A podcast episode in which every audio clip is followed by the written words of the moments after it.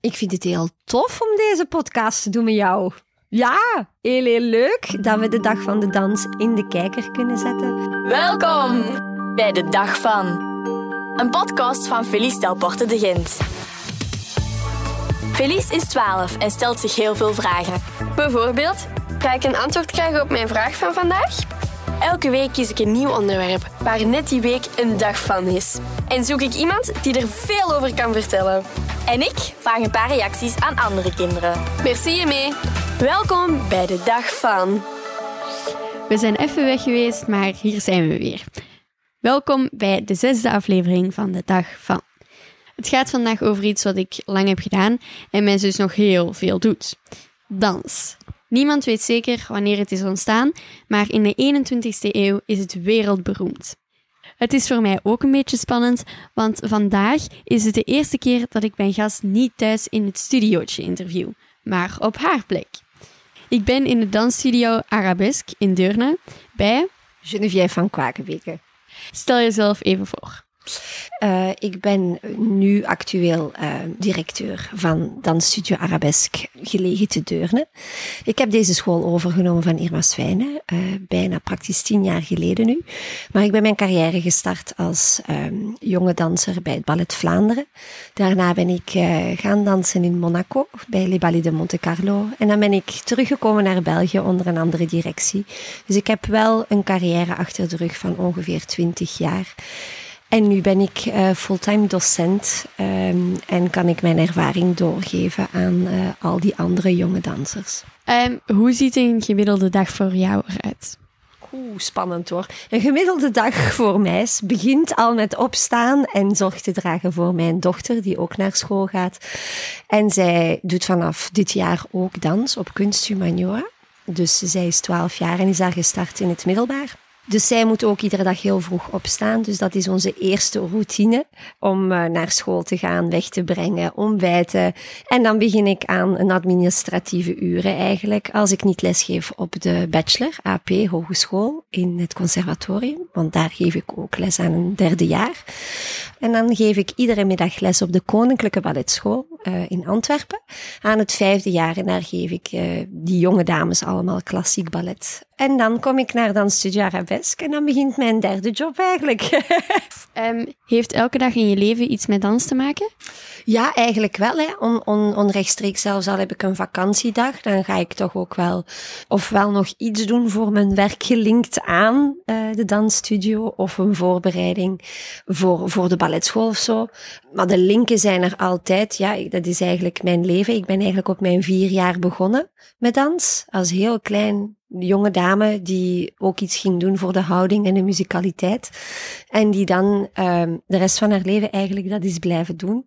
Dus ja, onrechtstreeks zit er in mijn leven heel veel dingen ingebouwd, zoals um, letten op voeding of zeggen van ik moet mijn rust nemen of uh, gewoon lichamelijk voelen dat er iets niet in orde is. Dan ga je ofwel al een beetje stretchen of daarvoor zorgen. Of, dus je gaat daar toch altijd wel een link maken met iets dat je geleerd hebt in die volledige, ja, levensloopbaan van dans, zal ik het maar noemen. Je hebt een dansopleiding gevolgd en zelfs prijzen gewonnen met dans. Uh, als je naar je hele carrière tot nu toe kijkt, wat waren dan je hoogtepunten? Een hoogtepunt, ik denk dat iedereen die begint aan dans, zeker als jong, jong kind, een droom heeft. Hè? En sommigen durven die uitspreken, anderen niet. Um, maar daar in je opleiding krijg je daar wel een, een beeld van, wat je eigenlijk heel graag wilt gaan doen als je voorstellingen gaat kijken. En bij velen van, van de jonge, jonge dames is dat dan meer um, een klassiek ballet of, of uh, in de tutu staan met een kroontje op als eerste. Maar bij mij was dat toch echt wel iets, um, iets specifiek. Op mijn veertien jaar ben ik naar een voorstelling van uh, William Forsythe gaan kijken, die toen in de stad Schouwburg stond. En dat was een stuk Enemy in the Figure. En Enemy in the Figure is een, een, heel bekend uh, werk van uh, William Forsythe.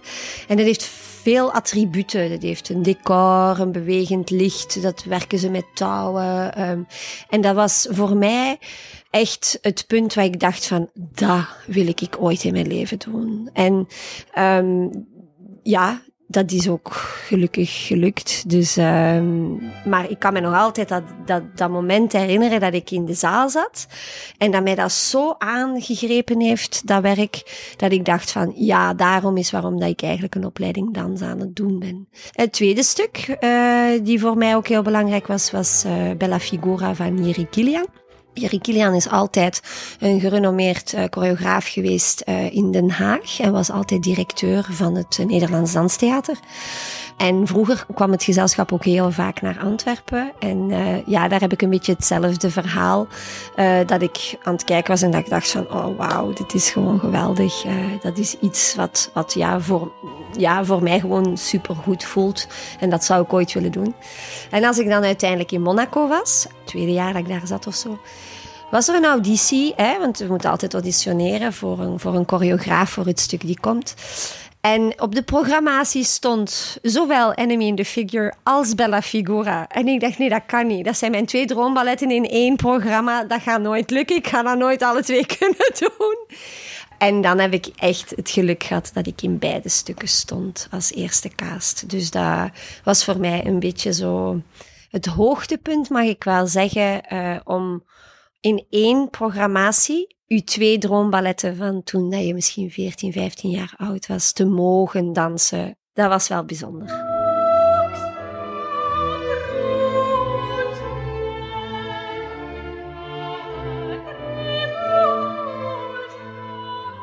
En uh, wat was het zwaarste wat je hebt gedaan tot nu toe?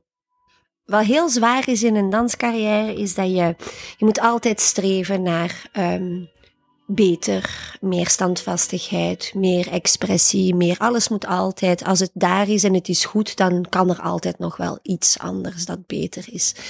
En dat is eigenlijk wel een heel zwaar iets om dragen, omdat als je bijvoorbeeld je bent stagiair en dan leer je en dan moet je van alles doen. Oké, en dan klim je op en dan ga je naar Corps Ballet en dan mag je weer eens een kans krijgen en dan mag je een kleine solo doen. En dan doe je die solo en dan uiteindelijk na zo'n paar jaar uh, ben je principal en dan ben je zo op de ladder eigenlijk zo de hoogste. Maar dan is het niet gewoon van, ah, oké, ik moet stoppen met werken want ik heb dat bereikt. Maar het vasthouden van de kwaliteit, hoe je danst, hoe je beweegt, is soms nog moeilijker dan gewoon vooruitgang boeken. En dat is heel, ja, intensief. Uh, dat is um, iets waar je volledig uh, moet op focussen. En je kan je niet permitteren om, om het eigenlijk de volgende dag minder te doen. En daarom is een carrière van een danser ook niet oneindig. Um, het is deze week de dag van de dans. Waarom is dat belangrijk? Ja, dat is gewoon belangrijk, omdat dans um, iets is van alle tijden. Hè. De, iedereen danst graag, al de primitieven, die dansten al. Uh, de regen danst uh, voor oogsten, voor alles. Dus dat is iets dat in de mensheid zit. Hè.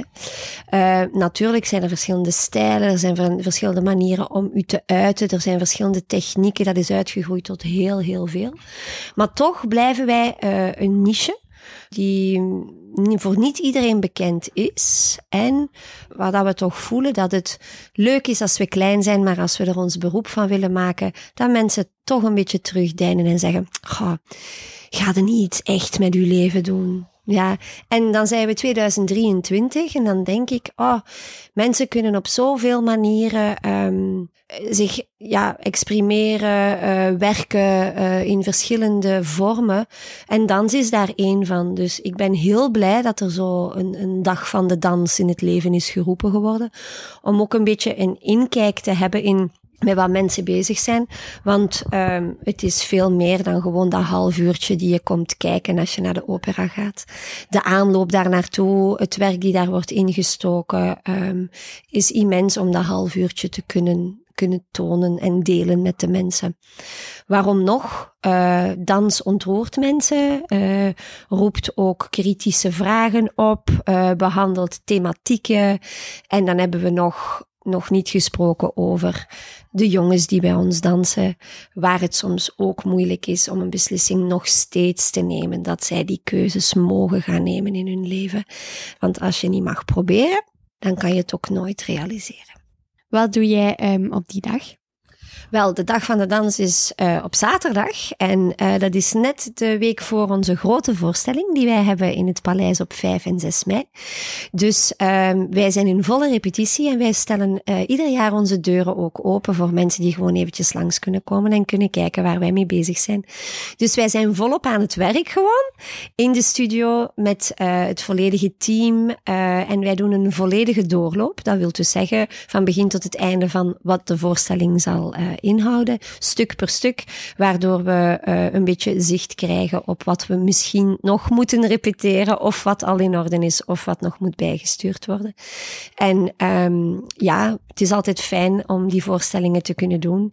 En als mensen geïnteresseerd zijn om langs te komen, dan kan dat altijd bij Dansstudio Arabesque. En dan zijn ze misschien zelfs getriggerd om naar onze voorstelling te komen kijken in het paleis. Ja, ik kom kijken, want mijn zus dans mee. Yo, ja, ik ben dus die zus, hè. Hey Amy. Hallo. Jij danst, hè?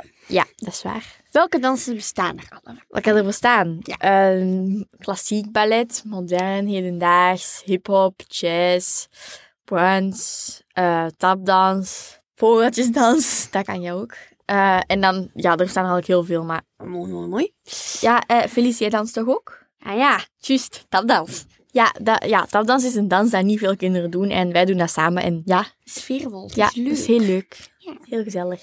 En we gaan Subiet ook mijn geweldig nichtje interviewen, die ook op dezelfde school als jou heeft gezeten, hè? Ja, en ik zit dus op de kunstmajora hedendaagse dans in het tweede jaar. Ja, dat is heel leuk. En de helft van mijn klas heeft ook iets te vertellen over dans. Hier zijn ze.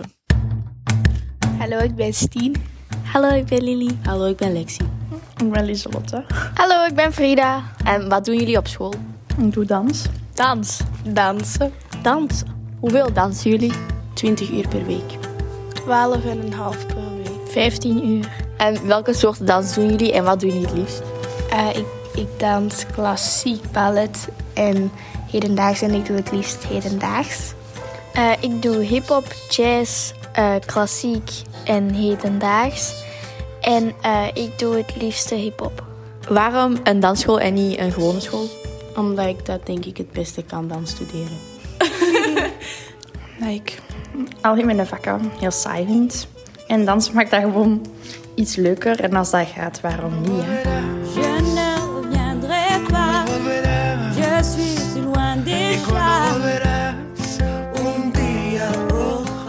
Omdat ik dans heel leuk vind. Uh, omdat ik me dan um, vrij kan voelen en zo, ja, die dingen. Um, is het altijd leuk of is het soms ook zwaar? Wanneer dan en waarom? Um, ik vind het altijd redelijk zwaar, vooral omdat ik veel blessures heb en mijn lichaam wil niet altijd mee. Maar het blijft wel nog altijd leuk om te doen. Hoe zou je jezelf als danseres omschrijven? Dat is een heel moeilijke vraag. Vooral niet elegant. Wat ben je, denk je, over tien jaar aan het doen? Alleszins niet iets met dansen, denk ik. Allee, verpleegkundige. Uh, hopelijk dansen. Ik hoop dansen, maar waarschijnlijk gaat dat zoiets anders zijn. Denk ik. Is het altijd leuk of is het soms ook zwaar? Wanneer dan en waarom? Ja, ballet is soms echt hard, maar het is wel leuk. Maar nooit saai, maar wel leuk, maar wel hard. Ik vind het wel leuk, maar soms is het bij klassiek wel zo veel stretchen en zo. En veel, ops veel opspannen en zo. En dat is niet zo tof altijd, dus ja. Um, het is soms wel zwaar, maar ik vind dat ook eigenlijk wel een beetje leuk. Omdat anders heb je ook niks gedaan, dus... Hebben jullie nog tips voor kinderen die ook een dansopleiding willen volgen? Gewoon doen, niet luisteren naar je ouders, gewoon doen. Luister naar je ouders. gewoon, um, ja, gewoon als je dansen graag doet, gewoon auditie doen en hopen dat je er door bent. En als je er niet door bent, gewoon het jaar erop opnieuw proberen. Um, vooral je best doen en vooral genieten. Je moet het wel graag doen. Anders wordt het wel heel moeilijk. En je moet het mentaal ook aankunnen. Maar het is wel heel leuk hoor, dat wel. Uh, ik zou zeggen, doe het, want het is er kei leuk. Wel een beetje chaotisch, maar gewoon doen. Dank u wel. Amai, dat is hier echt een familieaflevering. Dag Dieke. Dag Felice. Um, Dieke is mijn nichtje en um, uh, jij bent ook een danseres. Ja, dat is waar. Net zoals jouw zus. en uh, waar ben je nu? Ik ben op dit moment in Dresden een project aan het afwerken. En um, hoe oud ben je nu? Ik ben 24 jaar. sinds januari. En ehm, hoe lang dans je eigenlijk al? Ik ben begonnen toen ik vier jaar was. Maar dat is allee, natuurlijk niet te vergelijken met wat het nu is. Eh, want ik ben ook opgegroeid met een mama die een dansschool had. Dus de danskribbels zaten er al in van een heel jonge leeftijd. Ehm, Maar in het begin was het echt gewoon een hobby. Totdat ik ongeveer 14 jaar wa- was. En toen heb ik echt de kriebels te pakken gekregen om het meer serieus te doen. En dat is wat ik nu nog steeds doe. Je hebt ook kunstenmajora gedaan? Ik ben naar de kunstenmajora gegaan toen ik 14 was. Eh, toen ik besloot dat ik echt serieuzer verder wou gaan met dans. Ehm, dus dan ben ik naar Antwerpen gegaan. En ja, Oké, en ehm, van kunstenmajora tot nu eigenlijk, wat is het traject dat je hebt afgelegd? ik ben van de kunstenmajora in het laatste jaar heel veel audities gedaan. En dan ben ik naar een auditie gegaan voor een school, een opleiding in Vancouver, de- met de naam Arts Umbrella. En op die auditie wist ik onmiddellijk dat dat een plek was waar ik super graag naartoe zou gaan en waar ik het gevoel van had dat ik heel veel zou leren. En dat was twee jaar en dat heb ik gedaan. Wel jammer genoeg om een maand of twee vroeger moeten terugkomen door corona, wat er Mhm. tussendoor nog even zat en wat het ook zeker niet gemakkelijker maakte. En dan heb ik nog audities gedaan, heb ik een project gedaan in Italië. Daarna een jaar in Duitsland in een compagnie gezeten, eh, met de naam We Dance Company. En dan dit jaar ook gewoon terug projecten aan het doen in Amsterdam en in Dresden. En ja, dat is het zo'n beetje een korte, korte notendop. Amai. Ehm met alles dat je nu weet, zou je het opnieuw doen? Duizend procent zeker. En ehm, heb je tips voor kinderen die dit ook willen doen? Ik denk een van de beste tips is om altijd te blijven doorzetten. Ook al heb je ooit een nee of een tegenslag, of is er iets dat een leerkracht tegen jou zegt die iets minder in jou gelooft, of iets wat vrij negatief voelt. En dan, ik denk dat waar je het sterkste uitkomt, is door daar juist altijd doorheen te blijven gaan. Ik wou vechten zeggen, maar dat is misschien een te hard woord. Ja. Ehm, want je groeit het meest door, door moeilijkere periodes heen te gaan. Ehm, en ik geloof heel hard in mensen die er blijven voor gaan, dat er altijd op het einde iets uitkomt en iets dubbel en dik en supermooi. Dus ik zou zeggen, geef vooral niet op, hoe moeilijk het soms ook kan zijn. Merci, Dieke. Nog veel plezier in Duitsland. Tot snel. Dank je, Felice. Tot snel. Oké? Dus, we do one to the right, left, right. Go with the hip, collect, and then come up. Okay? Als dans nog niet had bestaan, had jij het dan uitgevonden? Goh, dat is een mooie vraag. Echt waar. Ehm, had ik het dan uitgevonden? Ehm, ik denk dat, dat dansen en bewegen in één ieder van ons zit. En dat dat een vorm is van emotie te uiten. Of ja, of sommigen zien het ook als therapie. Dus ik denk wel dat ik iets zou gedaan hebben dat met een bewegingsvorm zou geweest zijn. Maar ja, dat is moeilijk natuurlijk als iets niet bestaat. Van waar komt het dan en wie gaat wat doen? Ja, het zou wel tof geweest zijn, mocht het nog niet bestaan hebben dat ik de uitvinder had geweest. Want ehm, wat doet het met jou als je danst? Ja, dat is iets bijzonders. Hè? Ehm, ik denk de mooiste momenten, en dan ga ik gewoon terug naar mijn carrière, is als je ehm, op het toneel kan staan en waar dat alles even stil wordt. Ehm, er zijn momenten, en ik denk dat ieder van ons dat al heeft meegemaakt in, het werk dat hij doet, of het spreken, of het, ik denk dat acteurs dat hebben met een voorstelling als ze performen ook, hè, dat ze voelen dat de zaal volledig mee is, en dat je een soort van stilte krijgt die niet ongemakkelijk is, maar die juist heel, heel fijn is. En als daarbij de techniek die je kent en de mensen rondom jou en de muziek en alles op zijn plaats valt, dat is het moment waar dat je van het toneel gaat en zegt, ah, ik snap het. Ja. En dan moet ik zeggen, dat heb ik nog maar echt zo, dat ultieme gevoel, heb ik denk ik in mijn carrière van twintig jaar vijf keer meegemaakt. Dus dat is heel bijzonder weinig, maar ik kan ze nog op mijn één hand tellen en de mensen die erbij waren, die hebben dat ook gevoeld. En dat zijn vrienden voor het leven, want dat is, je kunt dat niet in woorden omzetten, dat gevoel. Dus ja, wat doet dat met mij? Dat, dat geeft u een vorm van een totale vrijheid. Ja, zonder dat er nog over iets moet nagedacht worden, denk ik. Ehm, als er nu iemand luistert en zin krijgt om misschien ook een dansopleiding te volgen, welke tips heb jij dan voor hen? Eerst en vooral proberen. Probeer, probeer uh, dingen uit die je leuk vindt. En dan van daaruit kijken, als je de passie begint te voelen voor dans en je voelt dat het dat het iets noodzakelijk wordt om te bewegen, om het te doen, dan, dan gewoon gaan proberen. En van alles proeven. Zoveel mogelijk proeven en kleine workshops doen, stages doen, verschillende stijlen doen. Durven zeggen vind ik niet leuk, maar ga ik wel doen, want dat is belangrijk voor mijn techniek. En gewoon even proberen en dan zien wat de mogelijkheden zijn bij mensen te raden gaan die er iets van kennen. Kijken of dat de capaciteiten van het lichaam het toelaten. En dan vooral goed praten met de mama's en de papa's. Zeer belangrijk om aan te geven dat je zoiets zou willen doen. En dat dat iets is dat op je, hoog op je lijstje staat. Omdat het toch belangrijk is dat een kind een, een stem heeft en dat hij kan kiezen uit meerdere zaken die, die die in zijn leven wil gaan doen. En dans kan daar inderdaad één van zijn. Dus praten, proberen en dan zien wat dat dan mogelijkheden zijn.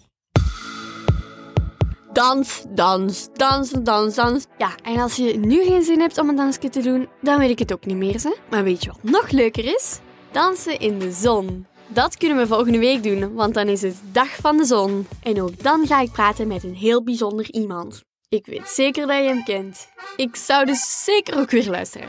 Tot aan de zon. Dag. Kom Felice, we gaan dansen.